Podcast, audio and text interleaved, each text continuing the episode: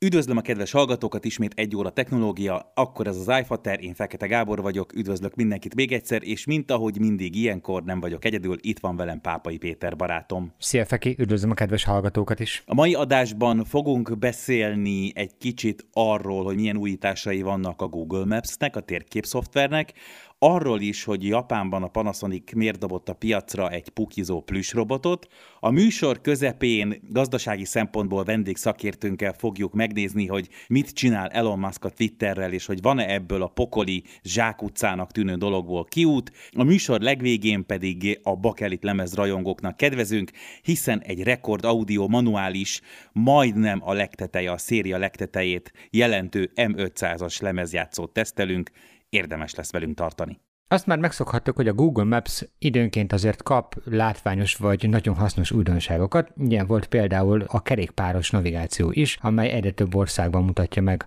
a két keréken is, illetve emberi erővel hajtott eszközöknél is jól használható útvonalakat. Most egy egészen más, de mégis közlekedéssel kapcsolatos fejlesztés volt, ami bekerült ugye a Maps-be. Ez pedig az elektromos autók tulajdonosainak kedves, ugyanis számos olyan töltőállomást megtalálunk a Google Maps-ben a jövőben, ami akár magyarországi útvonalakon is elérhető, és nem csak hogy a töltőállomások helyét, de azok töltési sebességét, illetve megközelíthetőségét, típusát, csatlakozó típusát, tehát nagyon sok extra információt elárul nekünk a Maps ezekről a töltőkről. Ennek köszönhetően ugye sokkal jobban és egyszerűbben fogunk tudni útvonalat tervezni elektromos autókkal is. Nyilván az átlagos napi közlekedésben és a távolsági közlekedésben is sokat segít az elektromos autó tulajdonoknak. A másik nagyon érdekes fejlesztés, ami egyébként a november 13-án frissített Google Maps-ben már megtalálható, és egyelőre még picit bugos, tehát hogy vannak azért néha hibák mind a két funkcionális az autótöltők kijelölésénél,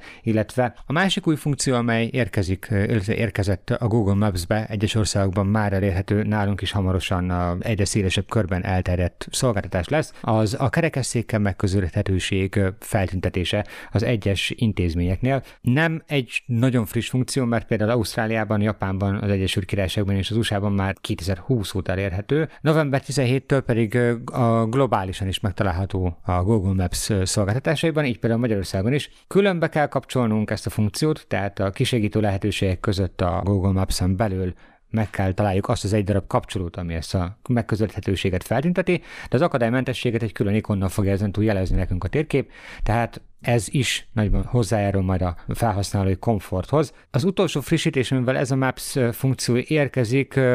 nem biztos, hogy minden készülékre elérhető még, de elég hamar fel fog kerülni mindenki okostelefonjára. Ezek hasznos és fontos szolgáltatások, és jól mutatja, hogy a Google-nak még mindig vannak tervei, ugye a Google Maps-el, annak idején, amikor megvették a Waze-t, akkor azért sokan azt gondolták, hogy vége lesz a Google Maps féle fejlesztéseknek, de ez is jól mutatja, hogy ugyan nem rögtön kapja meg Magyarország ezeket a funkciókat, de szépen lassan bekúsznak. Azt azért hozzátenném, hogy nem tökéletes a töltőállomások száma és mutatása, ugyanis azokat a töltőállomásokat fogjuk elsősorban és első körben megtalálni, de nyilván ez is majd bővül, amely cégekkel amúgy a Google globálisan is és vagy Magyarországon szerződésben áll, úgyhogy lehet, hogy egy-két még garázsban és egyéb parkolóhelyen található töltőt még nem fogunk látni az alkalmazásban, de ez egyrészt akkor is egy örvendetes fejlesztés, másrészt pedig egy nagyon fontos lépés ahhoz, hogy a villany villanyautózás még jobban elterjedjen. Egy másik fontos fejlesztés, amit egy picit nevetve fogunk elmesélni, de azért van ennek komoly része, az a Panasonic és a japán Toyohashi Egyetem közös koprodukciója, ami gyakorlatilag egy plüss labda, aminek van egy pici farka és két szeme, és nem tud mozogni, nem tud semmit csinálni, egyedül a szemét tudja mozgatni, illetve van egy pici farka, amivel kvázi tudja jelezni, hogy milyen hangulatban van, és ez egy olyan hát társalkodó robot, vagy társasági robot, amit a Panasonic és az egyetem kutatói kifejezetten az előregedő társadalom miatt az idősebbeknek vagy az egyedül lévőknek ajánljanak, ugyanis annak ellenére, hogy maga a robot nem beszél, különböző érzelmeket tud közvetíteni, és hát lehet vele kicsit egyoldalúan, de beszélgetni, pár frázist azért japánul tud, és a legérdekesebb része a robotnak már, mint hogy abból a szempontból, hogy föltehetjük a miért kérdést teljesen jogosan, az az, hogy az alapfrázisokon és ezeken a, az alapvető érzelmeken kívül ez a robot tud szellenteni, és ezt nem teljesen értjük itt Európában, hogy ez miért egy fontos szempont a kis robot szempontjából, de a Nikobo névre keresztelt kis robotnak már volt egy premierje idén, februárban, amikor is közösségi finanszírozás keretein belül 300 valahány darabot azonnal eladott a cég, és most tervezi azt, hogy a közeljövőben piacra dobja nagy mennyiségben is, és hát lesz hozzá, természetesen lesz hozzá egy felhő alapú szolgáltatás, ugyanis azokat a párbeszédeket, mutatom megint az idézőjeleket, hiszen végül is inkább csak monologizálni, kipanaszkodni tudjuk magunkat Nikobónak, ezeket tudjuk tárolni a felhőben, és később visszahallgathatjuk. Ez lesz az a szolgáltatás, ami majd egy havidíjas szolgáltatás lesz ehhez kapcsolódóan, de minden esetre egy érdekes, üdítő színfoltja ez a robotikának, hogy ilyenekben is gondolkoznak a nagy cégek. Ugye a mai adásban foglalkozunk Elon musk és a Twitterrel, és úgy gondoltuk, hogy a gazdasági szempontból nézzük meg, hogy mi történik a világban a Twitter kapcsán, és Elon Musk, hát finoman szólva kapkodása kapcsán, akkor hívjuk szakembert, úgyhogy itt van velünk Jónap Rihárd, a Concord Értékpapír ZRT részvénypiaci stratégája, akivel arról fogunk beszélgetni, hogy mit jelent a világ gazdaságának az, mit jelent Elon Musk vagyonának az,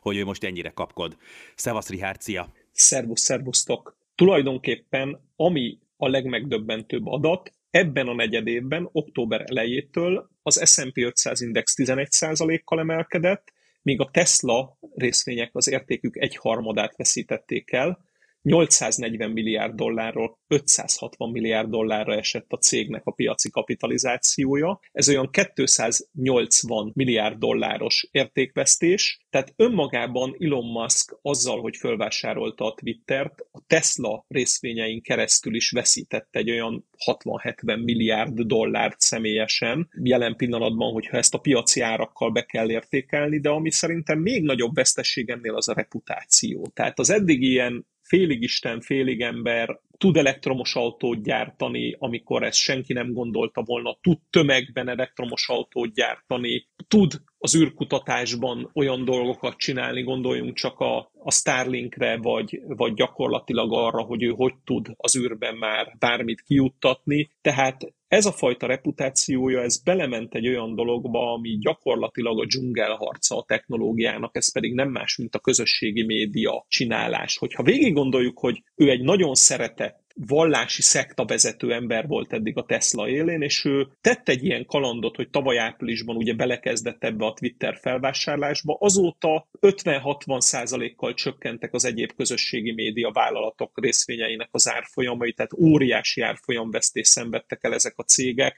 A finanszírozási költségek drasztikusan megemelkedtek, amikor ő április 14-én bejelentette a Twitter felvásárlást, még másfél százalék, két százalék körül voltak két éves amerikai államkötvény kötvénynek a hozama most ez 4,5 százalék, tehát minden elromlott, a körülmények megváltoztak. Nem csoda, hogy ő ezt visszaszerette volna szívni, de az ügyvédei megmondták neki, hogy nem tud más tenni, mint megvásárolni ezt a vállalatot, és amikor kényszeredett neki ezt meg kellett vennie ugye az áprilisban kialkudott áron, ezen a 44 milliárd dollárért, de ez határozott véleményem, ha mostani összehasonlítva megnézzük akár a Snap-el, akár a Tinder birtokló Match gruppal a az értékét a Twitternek, ez semmiképpen nem érne 10-15 milliárd dollárnál többet, és ő nagy bérrel, durral belevágott abba, hogy ebből pénzt is csinál, és hogy biztosítja is a szólásszabadságot, csak hogy ez egy olyan csapda, amit még Elon Musk sem tud átlépni. Mert valaki vagy szólásszabadságot ad a közösségi média platformon, de akkor a trollok és a mérhetetlen szenny ellepi ezt a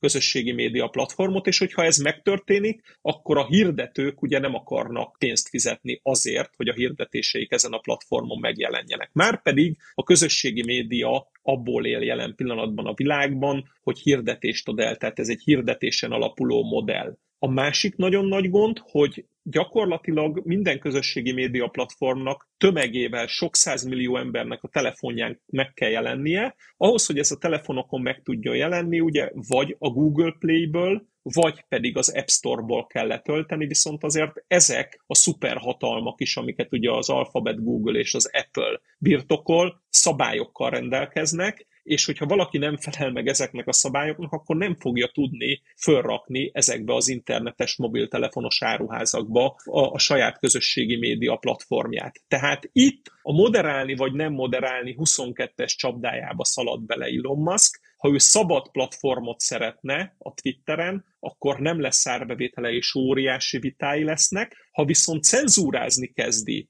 ahogy eddig is történt a platformját, akkor pedig szembe fogsz. Ez a, mint a nyuszika a viccbe, hogy van rajta sapka, nincs rajta sapka esete, akkor pedig rengeteg kritika fogja érni, hogy ő sem más, mint a nagy eddigi technológiai vezetők, ő is cenzúrázza a tartalmakat. Tehát ez az a csapda, amiben jelen pillanatban Elon Musk beleesett. És ez ezért egy nagyon-nagyon durva mékas, csak egy példát mondanék erre, ugye ez évek óta megjelenik, hogy a negyedik legtöbb pénzt Mark Zuckerberg személyes őrzésére költik jelen pillanatban a világon, 70 ember főállásban foglalkozik az ő biztonságával, és ugye csak Joe Biden Vladimir Putyin és Xi Jinpingnek az őrzése drágább jelen pillanatban a világon, mint amit Mark Zuckerbergre költenek. Tehát itt valódi veszély, sőt egy komoly veszély van az ilyen emberek életében, tehát itt kicsikét túlment, és nem, szerintem nem volt tisztában Elon Musk azzal, hogy ő mit vállal be ezzel a Twitter felvásárlással. Tehát belekerült egy ilyen,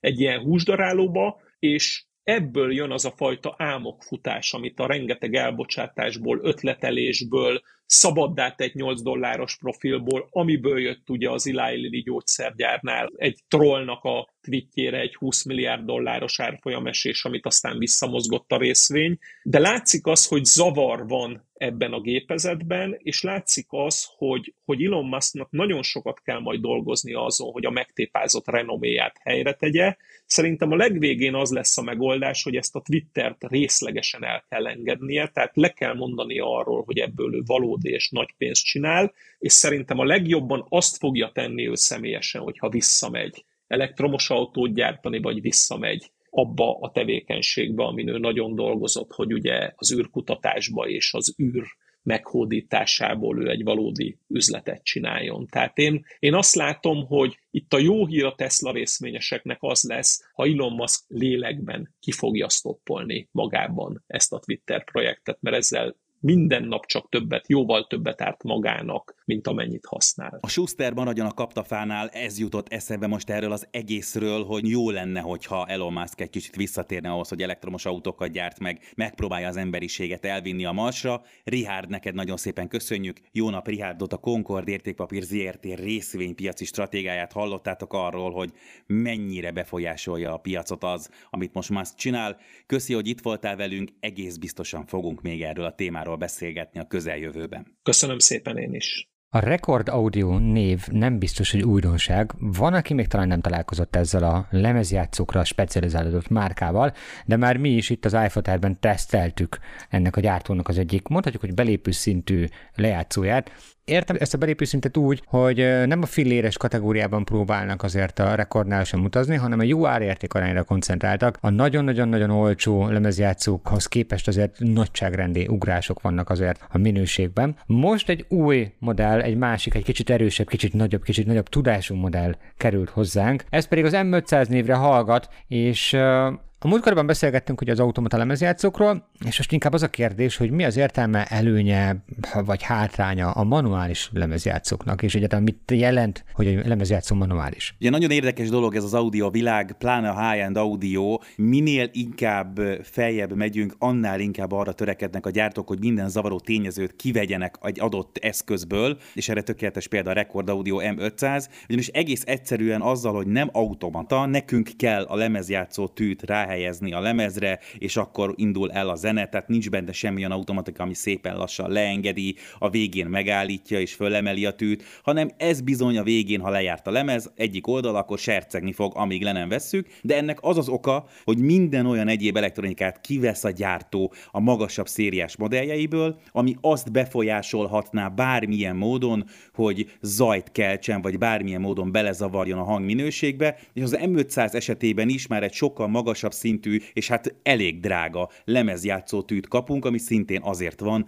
hogy jobban hangozzon. Tehát azzal, hogy mi dolgozunk, azzal, hogy mi helyezzük rá a tűt nagyon finoman, szépen a lemezre, és onnantól elkezd játszani, azzal azt ússzuk meg, hogy például annak a mechanikának és annak az elektronikának semmilyen hangja nem szól bele, ami amúgy az F szériában, az automata lemezjátszókban benne van. Ezen felül az M500-ban már például nagyon odafigyeltek arra, hogy a rezgés csillapítás is a lehető legjobb legyen, hiszen a lemezjátszóknak az egyik legnagyobb ellensége, hogyha bármilyen módon rezgések kerülnek be, akár az állványról, akár csak elmegy a villamos az ablakunk előtt, mert mondjuk olyan helyen lakunk, ezek bizony-bizony azok a rezgések behallatszódhatnak a zenébe, tehát minél jobb a rezgés csillapítása egy lemezjátszónak, minél inkább kiküszöböli ezeket a zavaró tényezőket, annál tisztábban fogjuk azt a hangot hallani, amit rápréseltek a lemezre, és ugye az M500 ebből a szempontból is már egy sokkal fejlettebb, maga a tányér is egy sokkal komolyabb, súlyosabb, nehezebb darab, mint amit mondjuk az F-szériában vagy a belépő szinten, szinte bármilyen kategóriában látunk. Ezen felül a legtöbb audiofil lemezjátszó széhajtásos, itt is arról van szó, hogy szemben mondjuk a DJ lemezjátszókkal, amiknek direkt meghajtásuk van, ott ugye az a fontos, hogy minél gyorsabban, minél azonnalibb legyen a hangkeltés, itt sokkal fontosabb az, hogy minél kevesebb zaj jusson be a zenébe, minden a zene minőségének van alárendelve, és az M500-as ezt jól tudja és nagyon-nagyon jól hozza, nem egy filléres, ahogy a Peti mondta, tehát ebben a kategóriában azért sokan versenyeznek, de a német gyártó kézzel készített modelljei az összes, tehát az F-széria és az M-széria is kézzel készül Németországban, ráadásul nagyon figyelnek arra, hogy helyi alapanyagokból, tehát amennyire lehet Németországból és azon belül is a környező régiókból szerezzék be mondjuk a fát a lemezjátszókhoz is lehetőleg minden alkatrészt, de itt is az volt az elsődleges szempont, hogy a zene visszaadása minél inkább zavartalanabb legyen, az M500 széria kifejezetten szép is, tehát nem csak azzal foglalkozott a gyártó, hogy a hangminőség minél jobb legyen, a különakra is nagy hangsúlyt fektetett, bár ugye az, hogy van egy fadarab, azon egy tányér és aztán egy kar, nem sok mindent lehet csiszolni, de ez a kettős színkombinációja az M500-nak, tehát egy ezüst lap van rajta a fekete favázon, ez egy kifejezetten csinos darab, létezik belőle egy ilyen fekete-fekete, nagyon-nagyon jól néz ki és beilleszthető egy komolyabb rendszerbe is, és ha már említettem a tűt, ami amit hivatalosan hangszedőnek hívnak. Ebben egy Ortofon 2M Blue típusú, már kifejezetten komolyabb, sok tízezer forintos hangszedő van, tehát ez is mutatja, hogy az abszolút a magasabb szériát képviseli. Ez az a lemezjátszó, amit már egy sok milliós rendszerbe egészen nyugodtan bele lehet rakni, és akkor meg fogja tudni mutatni azt, amit ő tud. Azoknak lehet külön érdekes, akik mondhatjuk úgy, hogy szeretik ezt az analóg nyersségét az audio hangzásnak, és egy egészen érdekes konstrukció maga ez az M500. Szerencsére sikerült az Audioménél, akiktől kaptuk az M500-at meghallgatni egy igen komoly rendszerben, és aztán egy pár napot sikerült otthoni környezetben is játszani, mármint hogy lejátszani az M500-zal, de nekünk ennyi fért az iFaterbe, hogy ha valakit bővebben érdekel Elon Musk és a Twitter kálváriája, akkor egyrészt az iFater podcastben is meghallgathatja Richard hosszabb interjúját, de a srácok a Concord podcastben is foglalkoznak részletesen a témával. Mi itt a 90.9 Jazzin egy hét múlva. Egészen pontosan 167 óra múlva találkozunk. Addig pedig mindenkinek további jó rádiózást kívánunk.